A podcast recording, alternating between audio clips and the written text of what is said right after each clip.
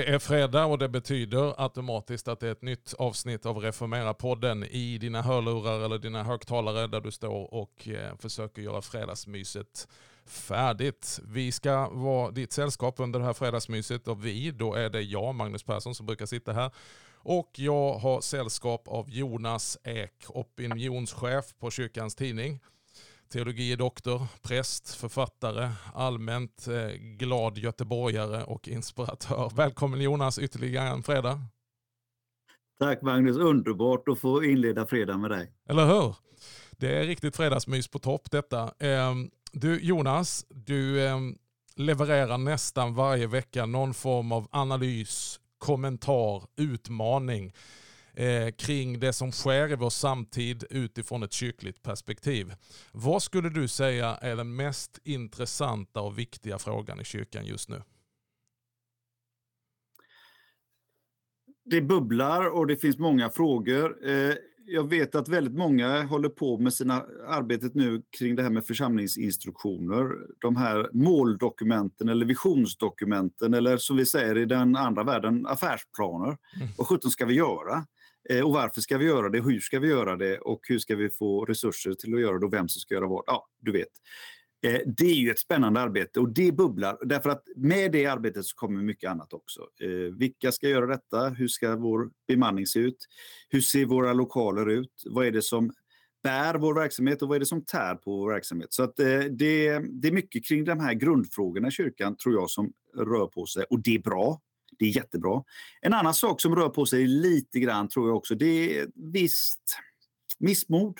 Det är tungt för många, det är svårt och det är uppgivet tror jag inte att det är, men det är lite missmodigt. Så att jag tror att eh, jobba med grundfrågorna och samtidigt komma med, eh, med frimodigheten, det, det är bra. Och det vet jag att du är ute och gör. Du, vilka, vilka saker skulle du helst vilja se fick en framskjuten plats i församlingsinstruktioner? Nu är det väldigt lokalt anpassat naturligtvis. Jag kanske inte tänker specifikt på lokalförsörjningsplan. Men, men vad skulle du vilja önska om du fick läsa igenom 25 församlingsinstruktioner? Vad skulle du vilja vara den röda linjen som var genomgående oavsett om man är landsbygd eller stad, eh, nord eller syd? Jag tror så här, och det har jag tjatat om tidigare, men jag tror att, att, att, att eh, jag, jag, jag, tycker att vi bör ändra vår kyrkoordning till att ta bort de här fyra att församlingens grundläggande uppgift är att fira gudstjänst, bedriva undervisning, utöva diakoni och mission. Jag skulle vilja att varje församling i sin församlingsinstitution ändrade på det mm. och sätter mission längst upp. Mm. Och säger att mission är ingenting vi gör, utan mission är någonting vi är. Mm. Vi är sända ut av Gud med evangeliet om Jesus Kristus. Och den sändningen den tar sig tre uttryck. Vi firar gudstjänst, vi bedriver undervisning och vi utövar diakoni. Mm. Det skulle jag vilja se i varje församlingsinstitution. Varför då? Jo, därför att det gör någonting med vår självbild. Just det. Och självbild är viktigt därför det påverkar både hur vi mår men också ofta faktiskt hur vi kan prestera. Mm. Men ser vi mission som någonting vi gör så blir det ytterligare sten på bördan. Mm. Men ser vi mission som någonting vi är. Mm. Det är inte så att vi har en mission utan Guds mission har en kyrka och det är vi. Det. det. gör någonting med hela sättet vi ser på oss själva och vårt uppdrag. Så det skulle jag vilja se. Du, med anledning av det, nu talar vi om kyrkoordningen och kyrkans grundläggande uppgift, så finns det ju en nog så viktig del som ibland glöms bort och det är det som kommer precis efter den meningen du citerar. Och det är ju syftet med detta. Eh, den är ju viktig om vi skulle, för att använda det ordet, affärsplan. Så är det ju eh, mm. egentligen underordnad betydelse vad vi gör, utan det är ju faktiskt vad vi ska uppnå med allt detta vi gör. Ett företag hade ju aldrig nöjt sig med att säga att vi gör det här, vi gör det här, men vi går bara minus och det händer ingenting. Utan man är ju liksom ute efter the catching, liksom. alltså att syftet uppnås. Håller du med mig om du tycker, eh, eller jag tycker, och du får säga vad du tycker om det, att just den syftesparagrafen ibland hamnar, eh, den göms bakom någonting. Att man säger så här, ja men vi håller på, vi firar gudstjänst, vi bedriver undervisning och diakoni och mission. Men just att mäta det vi gör utifrån ett eh, önskat syfte, att människor ska komma till tro på Kristus, en gemenskap med Kristus formas, skapelsen upprättas, ja men hela den här biten. Jo, det tror jag. Eh, det är intressant faktiskt att, att, att du säger det, därför att det är klart att den, den meningen som jag citerade kan alla citera, nämligen kyrkans grundläggande uppgifter. Men syftesmeningen som kommer efter eh, är man betydligt mindre säker på. Och det, det är kanske ett uttryck för någonting. Det, det, det var en bra spaning, jättebra. Men jag, tror, men jag måste säga så här, jag tycker att den syftesformuleringen är bra. Mycket bra. Så att, eh, jag, jag, tycker att den är, den är både lyckas vara central och ändå ganska öppet formulerad. Så att eh, den är väl väl värd att, eh, att vårda och eh, kommunicera. När jag reser i frikyrkliga sammanhang, som är min bakgrund, eh, och reser runt i Sverige som inspiratör, så brukar jag ta fram just syftesförklaringen. Eh, speciellt till kollegor i, i, som har en lite förutfattad mening om vad vi sysslar med i Svenska kyrkan. Mm. Och säga, vad tycker du om det här? Ja, det är ju jättebra. Ja, det står i vår kyrkoordning. Det, det, det, det, är en sån här härlig eh, liksom, eh, uttryck i deras ansikte som kommer fram. Så det finns ju så otroligt mycket bra, inte bara i våra bekännelseskrifter utan i hela vår kyrkoordning. Eh, ja, som, som man faktiskt kan bli salig av. Men jag tänker att det behöver bli lite mer verkstad, för vi är ju duktiga på att formulera oss. Eh, det finns egentligen inte så mycket problem, eh, även om vi kan, vi kan, jag kan hålla med dig om det här med, med, med vad som är kyrkans huvuduppgift, att det skulle kunna eh, uttryckas på ett annat sätt. Eh, men jag tänker att hur kommer vi igång så att det faktiskt blir verkstad? Men du, ett sätt där, och det är ju det vi började tala om förra eh, fredagen, gode Jonas, det är ju det här som har med kommunikation att göra, förkunnelse, undervisning, predikan som är ett central, centralt ord eh, för kyrkans verksamhet. Eh, vi tittade lite grann på vår tradition, vi tittade på tillståndet. Om vi nu skulle ägna det här avsnittet åt att titta framåt, Eh, du har gjort många sådana spaningar. Du har gjort massa föreläsningar om kyrkans kommunikativa roll, om att hitta en pedagogik som fungerar. Eh, hjälp oss framåt Jonas. Ibland glömmer vi det. Eh, kanske är det en, eh, inte ovanligt bland oss präster, men även annars tror jag. Vi glömmer ibland att, att kommunicera är också att lyssna. Eh, och inte sällan så är det rätt så bra att lyssna först och tala sen. Eh, några av oss har svårare för det än andra, men, men jag tror ändå att det är ett memento för oss. Och inte minst som kyrka. Därför att vi har så otroligt mycket eh, rikedomar i våra förråd. Eh, och jag är, helt, jag är helt övertygad om att vi har många svar, inte alla, men många svar på det som är tillvarons stora frågor och samtidens stora frågor. Men det är inte självklart att de svaren låter likadant som frågorna. Mm. Det är ganska ofta det ett kommunikativt glapp mellan frågeställaren och eh, svaret. Och jag tror att där kan vi bli duktigare, inte på att tala högre, inte på att tala oftare, utan på att lyssna in. Vad är det de egentligen säger? Och försöka översätta den frågan in mot det som är evangeliets svar. Du har använt ordet i en eh, inspelning jag har lyssnat på, skrikpedagogik. Va, va, va, det. Är det, det var min son. Jaha. Det var min son som sa det när vi övningskörde. Va? Ja. Att jag ägnade mig åt skrikpedagogik och det hade han ju alldeles rätt i. Men det gick ju sådär kan jag säga. Vad, vad är det för någonting och ägnar sig kyrkan åt det? Nej, jag tror inte egentligen att kyrkan åt det, men, men ibland tror jag pedagogik är då när, när pappa sitter i, i passagerarsätet och, och skriker det är rött det är väl skrikpedagogik. Men, men, men i överförd bemärkelse såklart att eh, man kan säga så här. Man skulle kunna översätta det till tjatpedagogik. Mm. Att, att, att man, man säger samma sak varje gång. Mm. Det är inte heller ovanligt med tonårsbarn. Men, men att det här att, att man, man säger samma sak varje gång men man hittar liksom inte, man når aldrig igenom. Mm. Det tror jag kyrkan gör ganska ofta. Vi säger samma sak varje gång. Mm. Och Jesus rider in på en åsna, han kommer ögonhöjd och han kommer inte på hästen. Och det är sant och det är rätt och det är bra, men vi har hört det så många gånger så det, det, det talar ingenting till oss längre. Utan då måste vi på något sätt tweaka det lite grann för att hitta det kommunikativa anslaget just där och då. Så att jag tror kanske inte kyrkans skrikpedagogik så ofta, men tjatpedagogiken kanske. Jag vet inte. Men du, den grundläggande frågan och frågeställningen och, och liksom det vi brottas med, det är att vi är överens om att vi tror fortfarande på kyrkans budskap. Kyrkan har världens bästa budskap. The greatest story ever told. Men vi har en oförmåga att förmedla det budskapet så att det landar och når fram med sitt ärende. Här har du eh, tänkt till mycket och bland annat så har du läst biskop Marianne, vad heter hon, Garden? Garder? Ja, hon är dansk så det är oklart vad hon hette. Ja, och hon har skrivit om the third room of preaching. Och, och det här eh, har verkat liksom gripa dig lite grann och ge dig lite infall. Ja, men alltså ibland blir man ju glad när man, när man eh, får tag på böcker. Va? Det, ibland blir man ju sådär lycklig. Och det, det där var en bok som verkligen eh, jag blev glad av. Eh, The Third Room of Preaching, A New Empirical Approach. Eh, det var liksom praktisk teologi när den är bra. Mm. Tillräckligt praktisk för att liksom eh, på något sätt att man skulle kunna den var grundad i, i kyrkan. Liksom. Eh, eller det, det, det, det tillräckligt teologiskt för att den var grundad i kyrkans liksom, teologiska arv och tillräckligt praktiskt för att man skulle faktiskt få konkreta uppslag till vad det är att vara kyrka och vad det är att vara förkunnare och präst. och sådär. Så att, Jag tycker att det var en väldigt bra bok. Och en, en, det var framförallt två, två, eller förutom det här med praktisk teologi, så var det det här bra att den är, den, det är en receptionsstudie. Alltså den är intresserad av åhöraren, av mottagaren.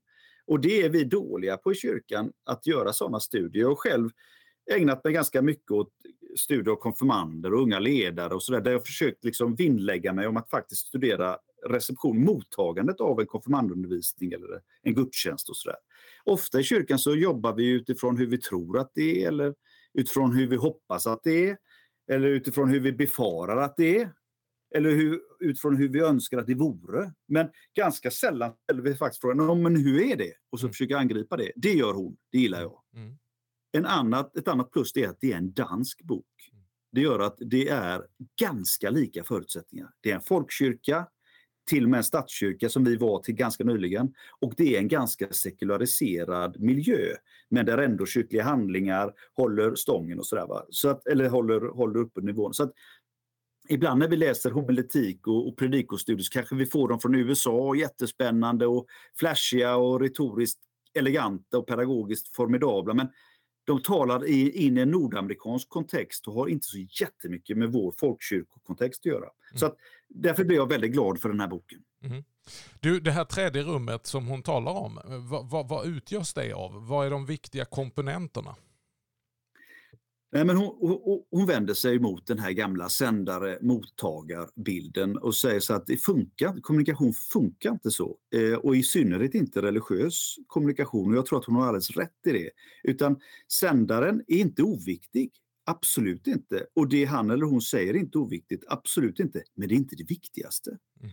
Utan hon menar att mellan predikant och åhörare, eller mellan sändare och mottagare om vi vill använda de orden, mellan dem så byggs ett tredje rum. Men det är inte predikanten som bygger det. Många predikobilder målar ju upp bilden av att predikanten bygger det här rummet.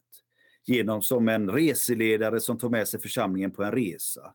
Eller som en Eh, eh, filmskapare som skapar ett scenario, med, bygger dekoren och ger föreställning och sen sätter upp en scen. Va? Men Marianne Gardner säger så här, men det där är jättesnygga bilder för predikan, men de är inte empiriskt grundade. Därför det funkar inte så. Tänk om reseledaren och resesällskapet är på helt olika resor. Eller hur ska du kunna bygga upp en filmscen när du inte har någon aning om vad de i kyrkbänkarna bär på egentligen? Så att hon menar att mellan de här två, mellan predik, predikant och åhörare, så byggs ett tredje rum i vilket åhöraren skapar en mening. Mm. Och den meningen kan vara väldigt annorlunda den meningen som förkunnaren tänkte eller hade som ambition. Eh, och det är inte det viktigaste, inte vad förkunnaren säger, utan det är ännu viktigare vem förkunnaren är eller vad förkunnaren utstrålar. Det betyder inte att innehållet är oviktigt, men det är underordnat. Mm. Är det är det så att vi i vår tradition, eh, jag har ju lite olika traditioner att jämföra med och, har gjort min resa. Vi kan ju anklaga vissa eh, mer frikyrkliga traditioner att, att, att lägga för stor vikt vid personen, det vill säga vid predikanten, att det blir nästan personlighetskult. Och så kommer man med den bakgrunden och eh, kommer in i Svenska kyrkan och då kan man ju ibland uppleva i de historiska kyrkorna att vi är som ett, ett det låter ju fint och bibliskt, ett tumt kärl, bara en, liksom en tum kanal. och det ska vara så lite som möjligt av personligheten. Är det så att vi har, vi har lämnat ett dike för ett annat dike och skulle vi behöva jobba lite mer med predikanten, inte bara med predikan? Jättespännande. Eh, jätte, och jag tror ju att vi, vi tenderar att lämna ett dike för ett annat väldigt ofta. Och jag, jag, tror precis som du säger att vissa traditioner har alldeles för mycket personfokus medan då andra har alldeles för lite. Eh, där man då inte... Eh, ja, personen är egentligen oviktig mer än som bara utläggare av ett objektivt givet ord. Eh, det som, det som, det som eh, jag tycker det är spännande med det här tredje rummet som Marianne Garden eh, skriver, skriver om, det handlar om att det, det, är ett ställe för meningsskapande. I, I det som predikanten säger skapas det här rummet och i det går jag in som lyssnare och där skapas mening, där skapas eh, liksom eh, förståelse för, för, vad det är som, som, säger, som, som, eh, som har sagt. Och i detta bär jag med mig mina erfarenheter, mina förväntningar och mina referensramar. Men det som skapas där, det är mycket större än det jag själv hade kunnat skapa utan predikan. Men det är också mycket större än det som predikanten hade tänkt sig med sin predikan. Så att det är, alltså, helheten är större än summan av delarna så att säga. Och det är inte predikanten eller åhöraren som bygger rummet utan det byggs liksom i, i, den här, i det här sammanhanget. Och det är lite grann som vi pratade om förra veckan att predikan är ett samtal. Predikan är bibelordet i funktion och det är bibelordets, samtalet kring bibelordet skapar det här rummet och det är nästan så man kan bli lite from när man läser hennes bok. Därför då tänker man sig, vem är det som är snickare i det här tredje rummet? Det är nästan så att det finns liksom en öppning för för snickarsonen själv att komma in och bygga det här rummet faktiskt. Därför att det skapas i mötet mellan predikantens förkunnelse och åhöraren. Och, då, och, och, och det betyder ju att förkunnaren är viktig. Mm. För om förkunnaren inte är engagerad, mm. om förkunnaren inte är närvarande, då byggs inte det där rummet. Eller då vill jag inte gå in i det rummet. På motsvarande sätt är församlingen viktig. Därför är församlingen inte närvarande. Då vill inte predikanten bidra. Jag menar, när man predikar ibland och alla konfirmanderna sitter med sina telefoner, eller vad det kan vara. Nu snackar jag illa om konfirmander, men du vet, också som förkunnare är man ju beroende av församlingen. Mm. Så att det finns en ömsesidighet för att det här rummet ska kunna byggas. Och där är vi alla, eller båda parter är viktiga i detta.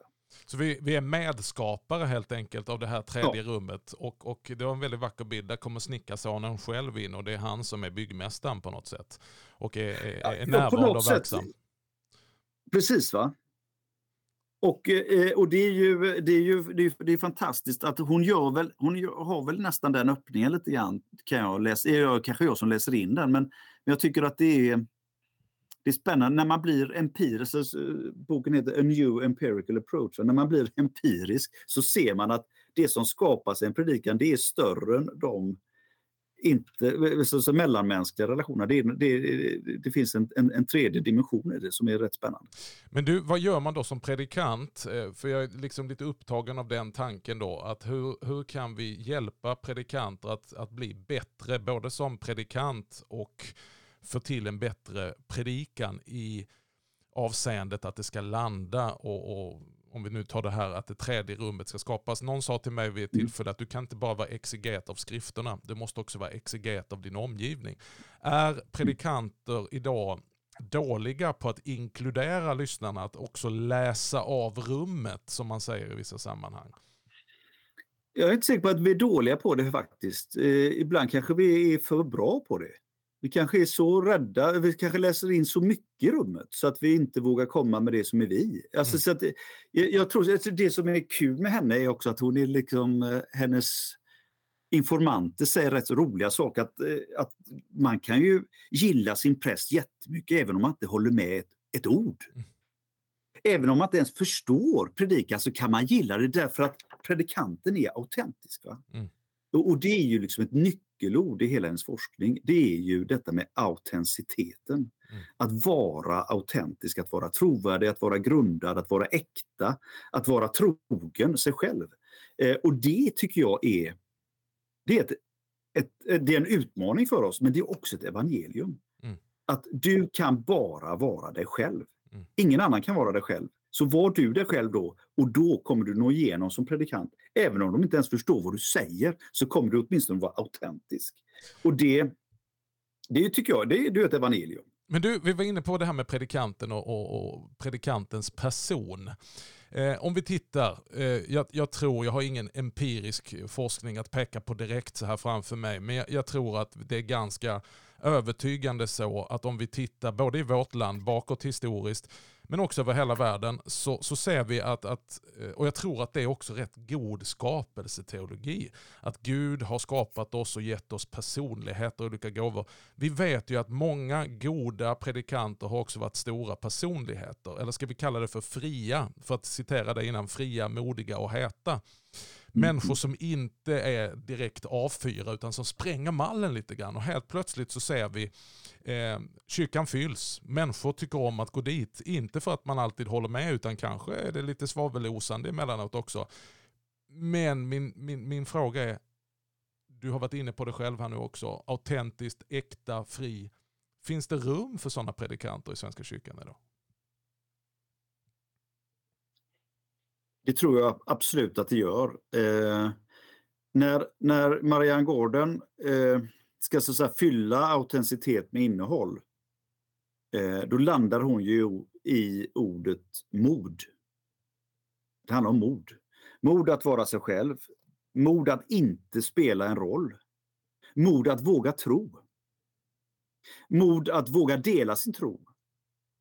Mod att våga dela sina tvivel mod att våga dela sitt eget möte, sin egen brottning med evangelietexten och så vidare.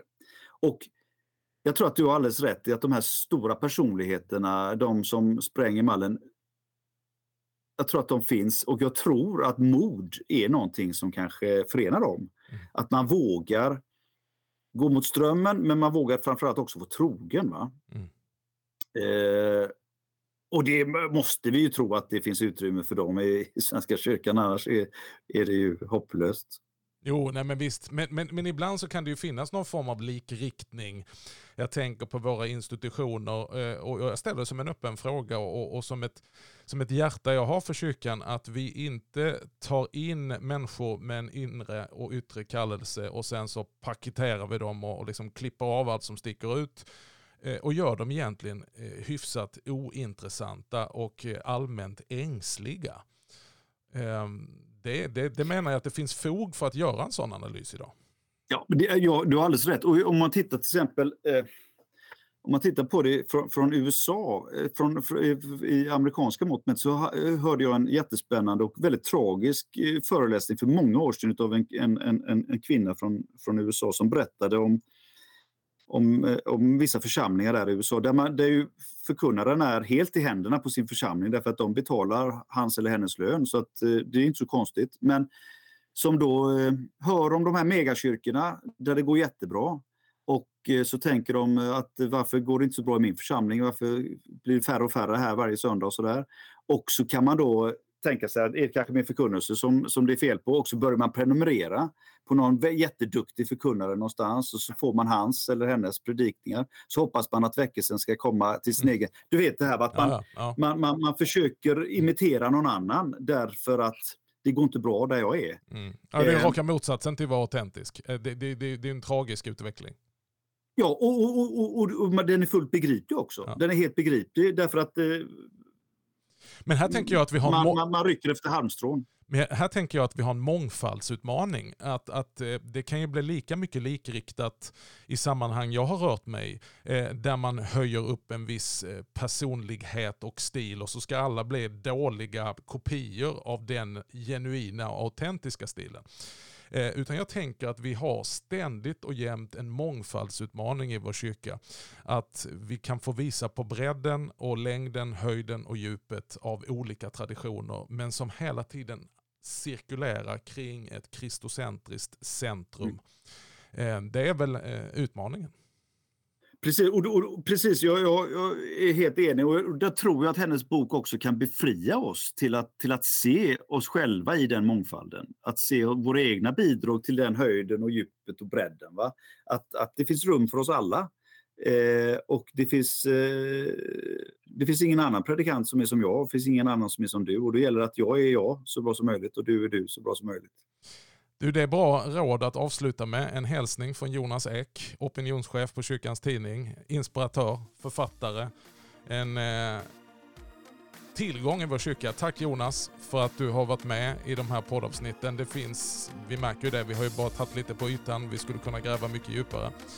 Men eh, fortsätt skriv, fortsätt förkunna, fortsätt eh, vara en eh, tillgång för vår kyrka som vågar pusha och utmana. Tack! Guds rika välsignelse till dig Jonas och eh, Guds rika välsignelse till dig som ytterligare en fredag har lyssnat på oss här i Reformera-podden och om Herren vill och vi får leva så är vi tillbaka nästa fredag också. Tills dess, allt gott.